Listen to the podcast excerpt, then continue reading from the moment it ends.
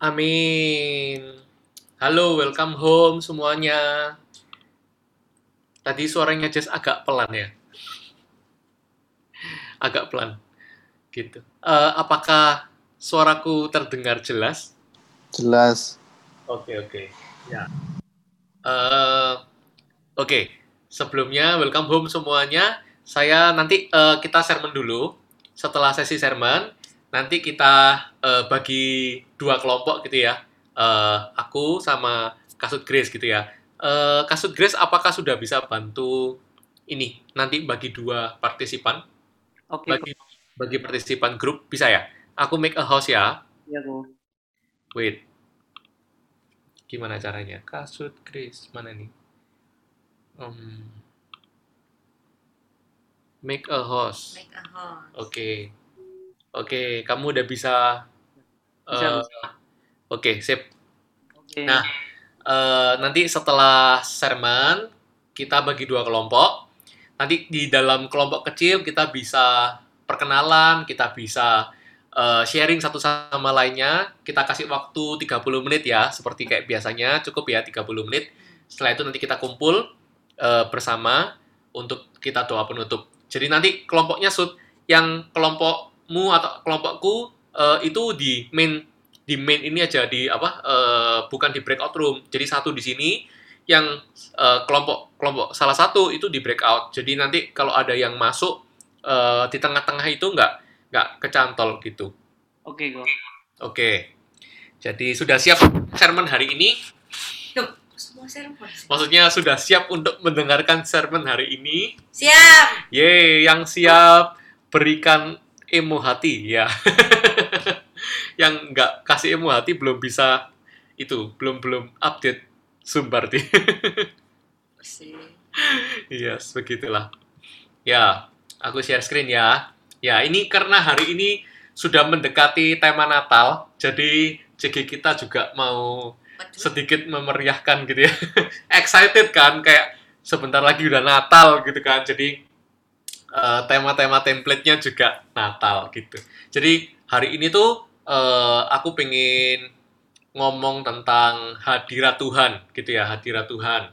Nah, eh, hadirat Tuhan itu apa sih dan dan eh, apa sih apa yang kita dapatkan ketika kita itu masuk ke dalam hadirat Tuhan gitu. Jadi mari kita nanti bahas eh, hadirat Tuhan. Kalau misalkan kita ada pertanyaan, ada mau diskusi, nggak apa-apa kita bisa diskusi itu nanti setelah eh, di breakout room gitu ya. Nah, oke next. Wait, kok nggak bisa next? Bentar. Wait. Wait, kok nggak bisa next? Di, di enter. Di spasi. Iya, terus? Nah, oke. Nah, ayat yang saya ambil itu ada di Ibrani 12 ayat ke-29 gitu. Mungkin ada yang bantu eh bacain deh. Itu sudah gampang jelas sekali di depan. Mungkin Jeremy, Jeremy. Nah, sudah terpampang di depan. Silakan dibaca.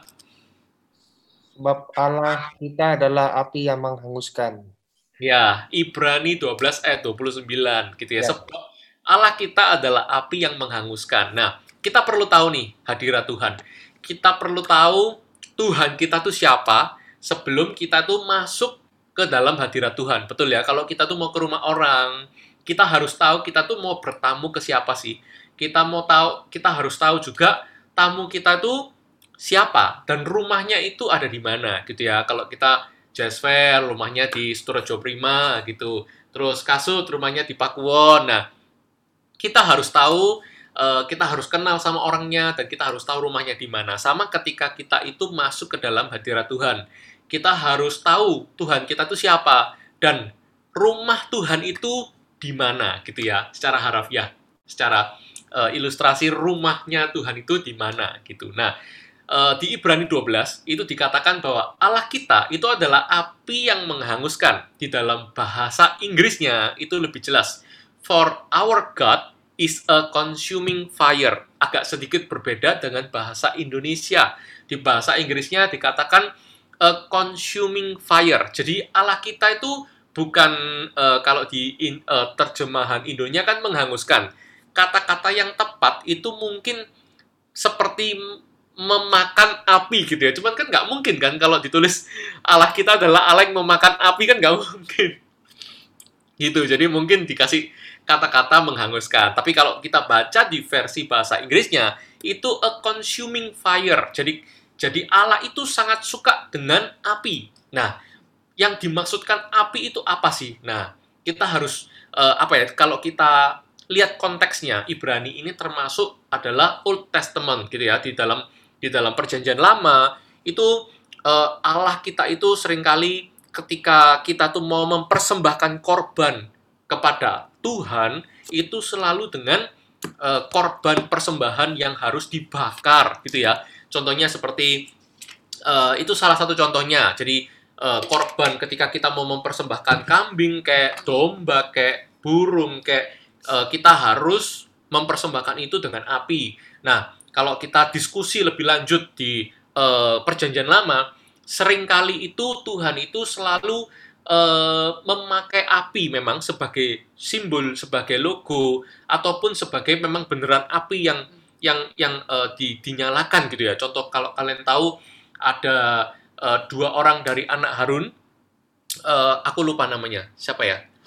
Hofni dan Pinehas. Hofni dan Pinehas itu eh, mati kan? Kalau kita tahu bahwa bahwa dua orang itu mempersembahkan api asing gitu ya. Jadi ketika zaman dahulu itu tuh eh, Tuhan itu ada satu tempat korban persembahan yang apinya itu hanya Tuhan yang harus harus Tuhan sendiri yang menyalakan api itu. Jadi eh, Hofni dan Pinehas waktu itu mempersembahkan api asing gitu ya. Eh, dia tuh kayak menyalakan api iseng nggak tahu ide dari mana. Dia tuh eh, mungkin menyalakan api karena di situ memang tempatnya api itu menyala gitu. Mungkin hari itu api itu kok nggak menyala. Mungkin dipikirnya ya sudahlah dinyalakan gitu. Nah ternyata api asing itu Tuhan itu nggak suka gitu ya dengan api asing. Jadi eh, di situ di situ dikatakan eh, di- di- dikatakan di ceritanya bahwa oh Hofni Pinehas itu Bukan, an- bukan. anak Imam Eli. Iya, sorry sorry. aku bilang Anak Harun. anak Imam benar Eli, benar. Aku lupa namanya. Duh. Ya maaf ya, saya bukan pendeta, tidak sekolah. Masa ah, Nadab Abihu ya? Iya, ya itu Imam- rasa. Iya, ya itu deh. Anak Imam Nadab Harun. Abihu kayaknya. Tapi aku udah bilang, rasanya bukan. Rasanya anak Imam Eli. Anak Imam Harun itu Nadab dan Abihu yang dihukum mati. Oh iya, betul, betul. Bagus, thank you, Jess. Jadi, eh, Nadab dan Abihu itu mati ketika mereka berdua itu mempersembahkan api asing zaman itu gitu ya. Jadi sampai bahkan dicatat di Alkitab berarti itu penting gitu kan. Nggak mungkin kan bayangkan Tuhan itu marah dengan orang yang menyalakan kompor sembarangan. Contohnya kayak gitulah. Kayak kayak kayak apa ya? Kita tuh nyalain kompor cuman mainan api tapi kok eh, sampai Tuhan tuh membunuh dua orang itu padahal cuman kayak nyala nyalain api loh padahal gitu loh. Jadi jadi Tuhan itu kenapa kok Tuhan itu sampai mencatat di Alkitab? Karena itu penting sekali gitu loh. Jadi Tuhan itu bukan api sembarangan. Kita tuh sama seperti kita saat ini gitu ya.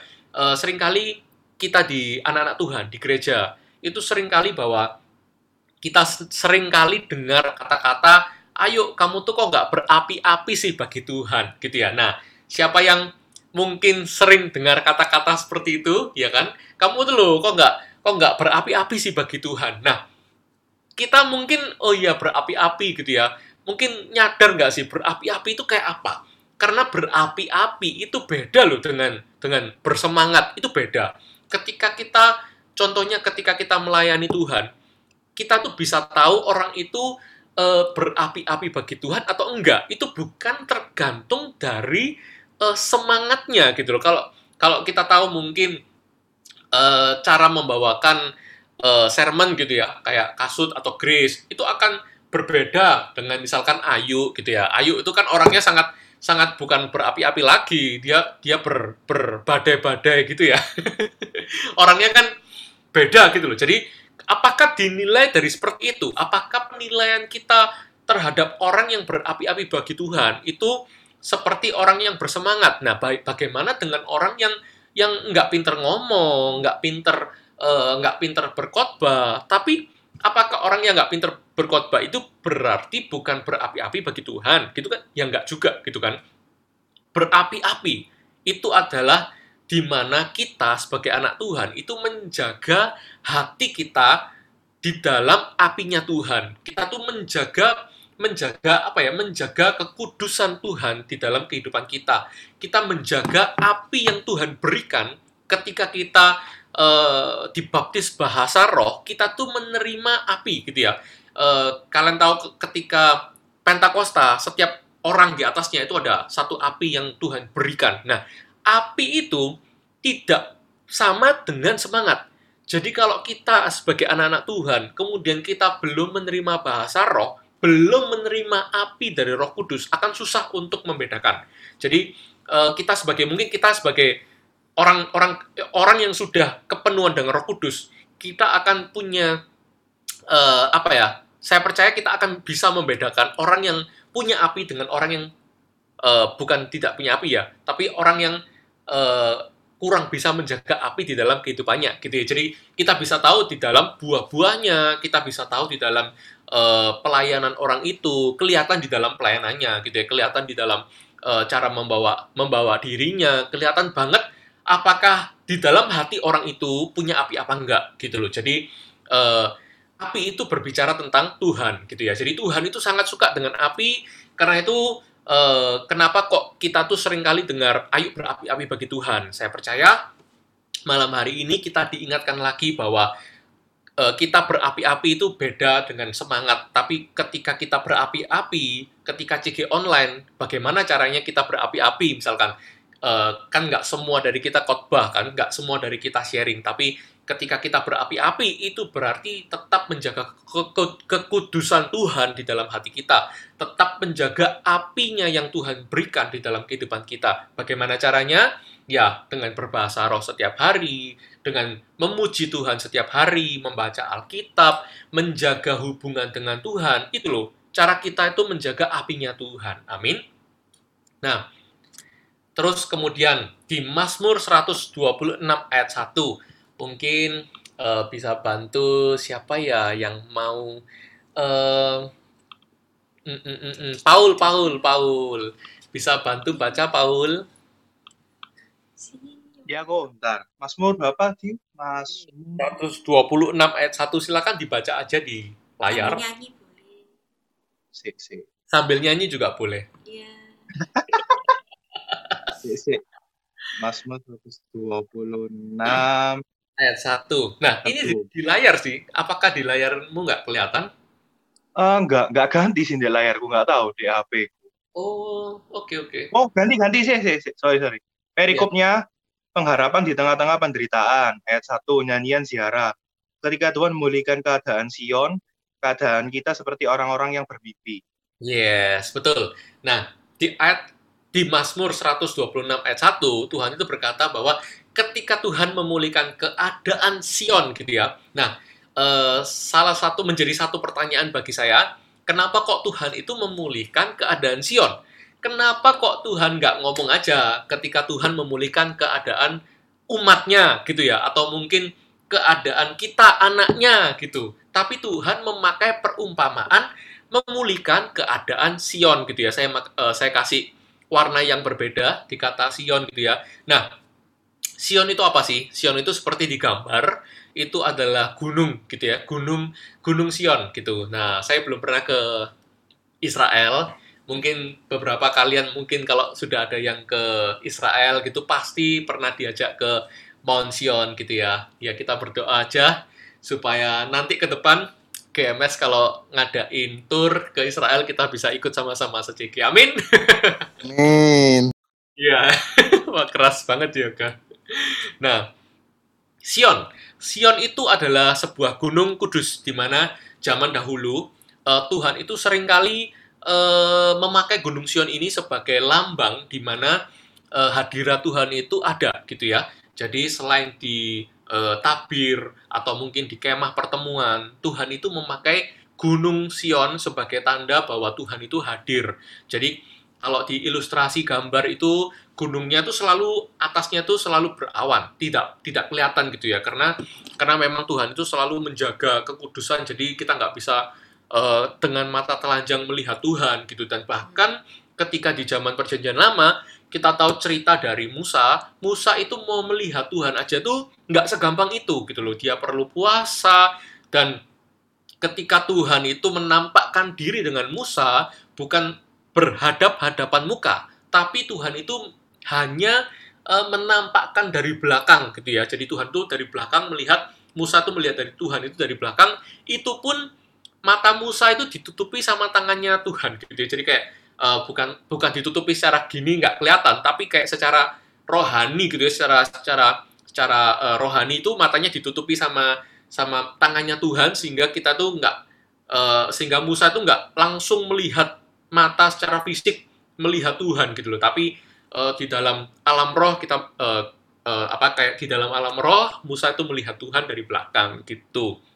Jadi eh, sering kali bahwa eh, Tuhan itu memakai Sion sebagai perlambangan. Juga pernah ada sebuah cerita eh, di mana ketika Tuhan itu mau menampakkan diri kepada seluruh bangsa Israel, Tuhan itu benar-benar bilang bahwa eh, kuduskanlah eh, umat bangsa Israel semuanya dan jangan sampai ada orang yang berani-beraninya itu mendaki Gunung Sion gitu ya karena Tuhan hari itu mau menampakkan diri. Jadi ketika itu bangsa bangsa Israel itu gemetar gitu ya melihat Tuhan datang di dalam gemuruh badai api dan sampai Gunung Sion itu eh, menurut menurut versi beberapa sejarah Gunung Sion itu warnanya hitam gitu ya. Kenapa? Karena di, eh, di zaman dahulu Tuhan itu sering kali eh, menampakkan diri di sana itu dengan dengan guntur dengan api sehingga hanya Gunung Sion saja yang warnanya itu sedikit hitam dibandingkan gunung-gunung yang lain karena Gunung Sion itu seperti kayak di sebuah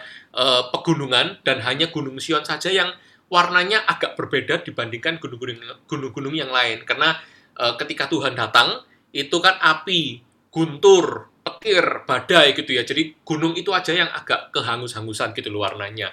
Eh, konon menurut sejarah gitu. Itu maksudnya menurut kalau dibanding eh, kalau dilihat dari dari sejarahnya ya mungkin saja karena kalau ketika Tuhan datang kan menurut ceritanya di Alkitab itu benar-benar datangnya itu dengan petir api kan gitu. Jadi jadi eh, begitu kudusnya eh, Tuhan ketika Tuhan itu zaman dahulu ketika Tuhan itu mau menyatakan hadiratnya gitu ya. Jadi eh, bahkan ada kalau kita ceri- baca ceritanya itu eh, ada hewan yang datang mendekat pun itu langsung mati gitu ya. Jadi begitu sakralnya hadirat Tuhan, begitu sakralnya kehadirat Tuhan hari itu. Nah, eh, terus kemudian di ayat selanjutnya. Nah, ini di Ibrani 12 ayat 22 juga dikatakan begini, tetapi kamu sudah datang ke Bukit Sion, ke kota Allah yang hidup. Nah, sekali lagi, Sion itu dikatakan bahwa Sion itu kota Allah yang hidup, gitu ya. Jadi, zaman dahulu itu Tuhan tuh selalu memakai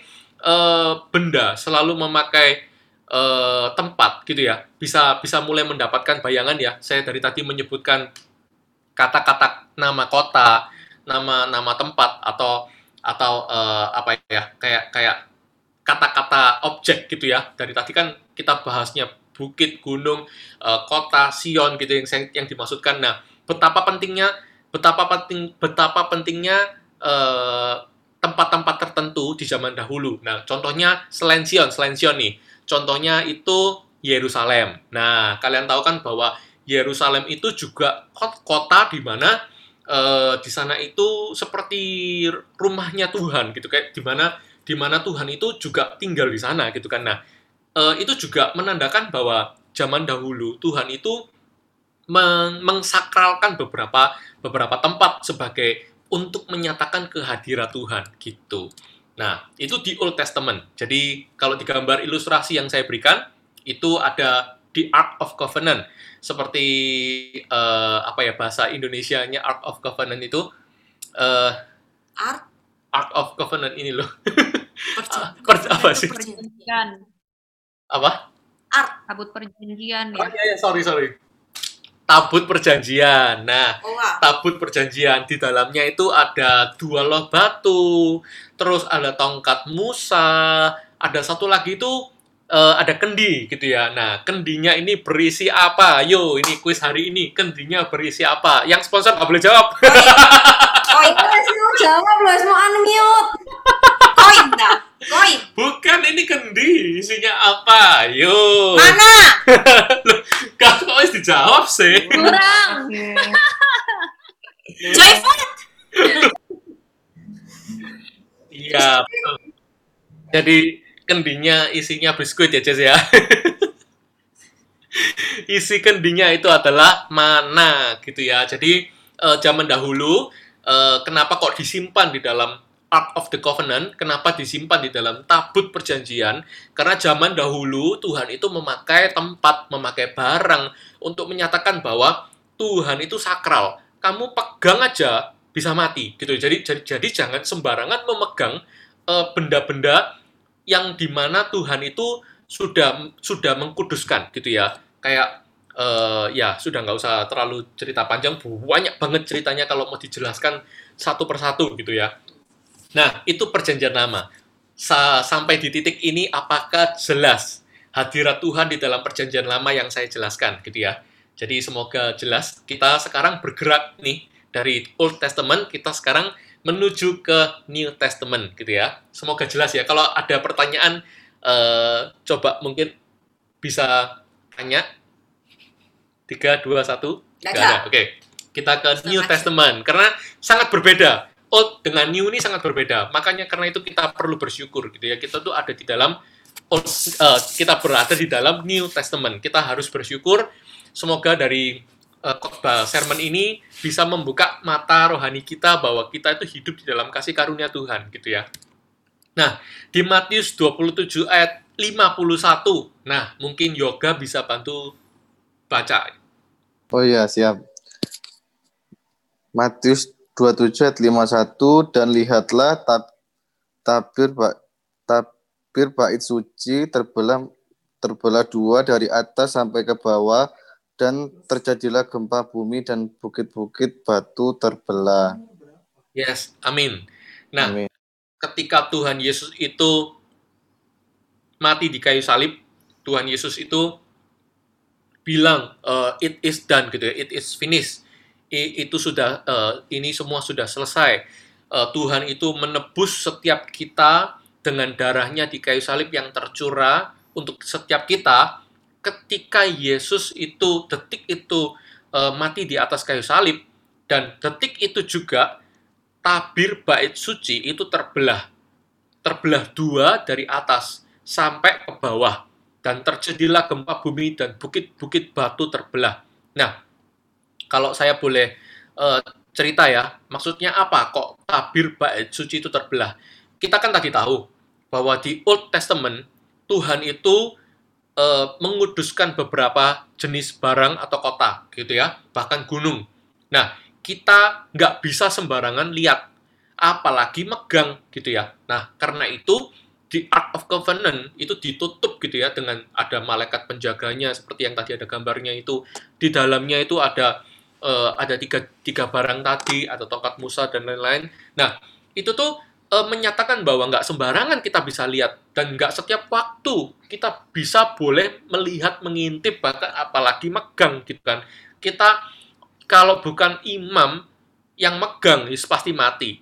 Imam aja itu cuman beberapa kali cuman bisa boleh masuk setahun sekali cuman bisa menghadap ke eh, menghadap ke hadiratnya Tuhan. Cuman boleh satu tahun sekali. Imamnya imam besar lagi yang harus yang memang harus eh, ditugaskan untuk mengkuduskan umat Israel masuk ke dalam hadirat Tuhan. Nah, ketika Tuhan Yesus mati di atas kayu salib, tabir bait suci yang yang konon di Old Testament itu adalah sesuatu yang sakral, yang kita nggak bisa sembarangan masuk, itu tiba-tiba terbelah menjadi dua. Dan di dalam, kalau kita lihat gambarnya itu kan kelihatan ya, di dalam ketika tabir itu robek terbelah dua, di dalamnya itu langsung kelihatan di dalamnya itu ada eh, tabut perjanjian gitu ya. Di dalamnya itu ada tabut perjanjian di mana ketika eh, apa tirai itu terbuka ya tentu saja kita bisa lihat kapan pun eh, kita mau kita mau ngintip kapan pun kita mau megang kapan pun ya bisa gitu kan nah itulah kenapa ketika Tuhan Yesus sudah menyerahkan hidupnya dan menebus setiap kita maka hadirat Tuhan yang dulunya itu sangat sakral sangat nggak sembarangan orang hari ini kita bisa nikmati di mana pun, gitu ya. Karena Tuhan Yesus, gitu loh. Karena Tuhan Yesus itu sudah menebus dosa kita, kita manusia yang berdosa, yang seharusnya nggak boleh sembarangan ketika kita masuk ke hadirat Tuhan. Kalau perjanjian dulu, kita tuh harus puasa, kita harus hanya orang kudus yang bisa, hanya orang, hanya Musa, hanya Nabi yang bisa eh, berdiskusi dengan Tuhan. Tapi di perjanjian baru, kita tuh dengan Tuhan itu bisa dekat dan kita itu bisa masuk ke dalam hadirat Tuhan itu kapan saja dan di mana saja gitu ya. Hai paling-paling bambu itu kan Doraemon gitu. Jadi bayangkan kita itu bisa bisa masuk ke dalam hadirat Tuhan itu kapan saja loh. Kalau zaman dulu nggak bisa, sekarang Tuhan sudah berikan semua kasih karunia-Nya untuk Tuhan tuh begitu rindunya untuk mengenal umatnya, untuk bisa ngomong secara heart to heart, bisa berhadapan muka dengan muka dengan kita. Bayangkan betapa Tuhan itu mengasihi setiap kita. Amin. Bertemu muka dengan muka itu lagu yang nggak bisa dinyanyikan ketika Old Testament. Ketika kita di New Testament hanya hanya lagu itu yang tidak bisa dinyanyikan di Old Testament. Itu lagu yang yang hanya kita generasi kita yang sudah mengalami Tuhan Yesus yang hanya bisa menyanyikan lagu itu gitu loh. Jadi ayo mari kita hari ini tuh bersyukur kalau Tuhan itu sudah menebus dosa kita, Tuhan itu sudah sudah memanggil kita, kita tuh sudah kenal Tuhan, kita tuh sudah tahu pengorbanan Tuhan Yesus dan kita tuh diselamatkan. Dan hari ini kita tertanam di dalam sebuah gereja. Dan kita masih punya hati yang lembut, kita masih punya hati yang masih mau ya dipanggil CG online. Ya walaupun kita tuh sedikit mungkin bosen lah sudah beberapa bulan.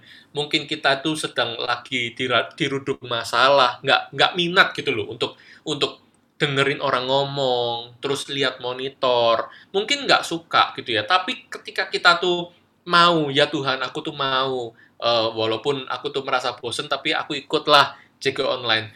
Percayalah ketika kalian tuh eh, punya kemauan itu pasti Tuhan yang yang panggil gitu. Nggak nggak mungkin nggak. Kita tuh nggak ada yang kebetulan kok. Semuanya bisa CG online bersama-sama itu.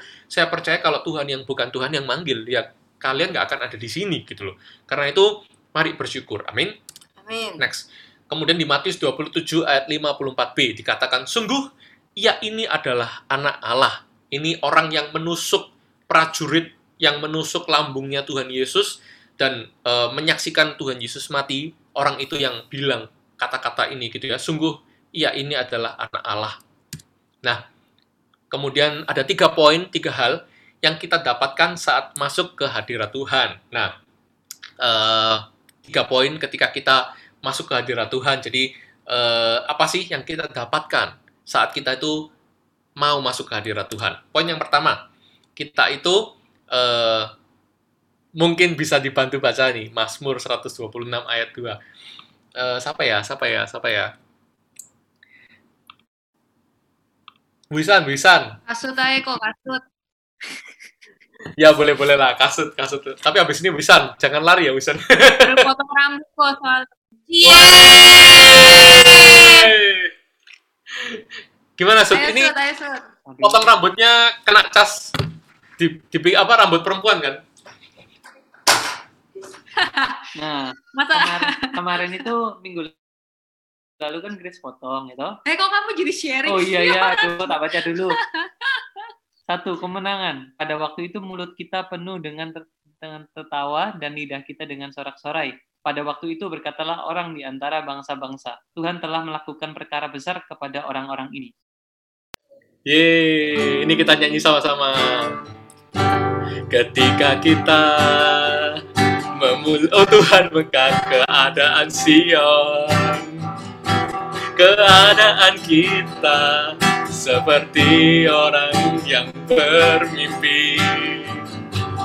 Waktu itu mulut kita penuh dengan tawa. Lidah kita dengan sorak-sorai. Yang menabur dengan mencucurkan air mata menuai dengan sorak-sorai yang berjalan sambil menangis sambil menabur benih pasti pulang membawa berkas berkasnya ye. Jadi poin pertama itu adalah kemenangan. Amin. Ketika kita masuk ke dalam hadirat Tuhan, eh, poin pertama kita tuh pasti akan mendapatkan kemenangan, guys. Jadi di Mazmur 126 dikatakan bahwa ketika waktu eh, pada waktu itu mulut kita penuh dengan tertawa dan lidah kita dengan sorak-sorai. Dikatakan bahwa ketika kita masuk ke dalam hadirat Tuhan, hidup kita itu adalah hidup yang berkemenangan. Amin. Ketika Tuhan sudah menebus dosa kita, kita itu hidup di dalam kemenangan di dalam kemenangan demi kemenangan yang Tuhan sudah berikan. Poin yang kedua.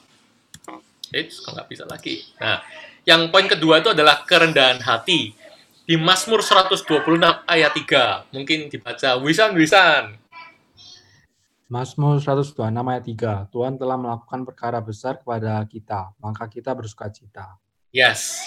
Ketika Tuhan telah melakukan perkara besar kepada kita, siapa yang melakukan perkara besar kepada kita? Tuhan, bukan kita. Ketika kita itu hidup di dalam Tuhan, masuk ke dalam hadirat Tuhan, Tuhan itu yang akan membela kita. Tuhan itu yang akan melakukan perkara besar kepada kita, maka kita, tugas kita, itu cuman bersuka cita. Ketika kita masuk ke dalam hadirat Tuhan, kita membawa masalah kita, kita membawa dilema kita, kita serahkan kepada Tuhan, kita keluar dari hadirat Tuhan, kita tuh bisa merasakan sukacita karena kita tahu bahwa Tuhan itu yang melakukan perkara besar. Jadi poin yang kedua itu adalah kerendahan hati. Kita tahu bahwa kita tuh bukan siapa-siapa, hanya Tuhan yang mampu melakukan perkara besar kepada kita. Amin. Terus poin yang ketiga itu adalah pemulihan. Mazmur 126 ayat 4. Bentar, siapa ya? Yang baca. Hmm, Ardian, Ardian. Serat, Mazmur 126 ayat 4R. Sampai nyanyi enggak ini? Boleh. Ojo-ojo. Pulihkanlah keadaan kami ya Tuhan seperti memulihkan batang air kering di tanah Negeb. Kata Yes. seru. Amin. Tanda seru itu harus penting karena eh, di ayat keempat Mazmur 126 ini adalah poin ketiga kita, yaitu mengalami pemulihan. Ketika kita masuk ke dalam hadirat Tuhan, kita tuh mengalami pemulihan di dalam Tuhan. Amin. Jadi tiga poin sederhana eh, yang hari ini kita bisa eh, dapatkan yaitu adalah satu kemenangan, kemudian dua adalah kerendahan hati, dan poin ketiga adalah pemulihan. Jadi nanti di dalam eh, sebuah diskusi kecil setelah ini kita mungkin bisa saling sharing sih apa yang kalian dapatkan ketika kalian itu berusaha untuk masuk ke dalam hadirat Tuhan. Mungkin kalian lagi gelisah, lagi galau, lagi banyak masalah, atau mungkin bahkan lagi sukacita, lagi semangat-semangatnya cari Tuhan. Ketika kalian belajar untuk masuk ke dalam hadirat Tuhan, apa sih yang kalian dapatkan? Mungkin akan berbeda dengan poin yang saya berikan. Mungkin dari tiga poin ini hanyalah perwakilan dari dari sejuta perasaan yang yang kita alami ketika kita masuk ke dalam hadirat Tuhan. Saya percaya di dalam hadirat Tuhan, di dalam hadirat Tuhan itu banyak sekali eh, nano-nano ma- apa eh, manis, Manis, asam asin asam, gitu ya asin. rasanya. Rame rasanya. Ya, pasti rame rasanya, nggak hanya tiga poin ini. Mungkin ada tetesan tangis air mata, mungkin ada merasakan eh, dipeluk, mungkin ada merasakan kehangatan, mungkin ada yang merasakan restoration, atau mungkin ada yang merasakan eh, sukacita, bahkan mungkin apa ya, mungkin ada perasaan-perasaan yang yang kalian bisa sharingkan sama-sama ketika kita masuk ke dalam hadirat Tuhan. Jadi itu aja eh, sermon saya hari ini. God bless. Kita bagi eh, dua kelompok ya, supaya nanti kita bisa sharing satu sama lain.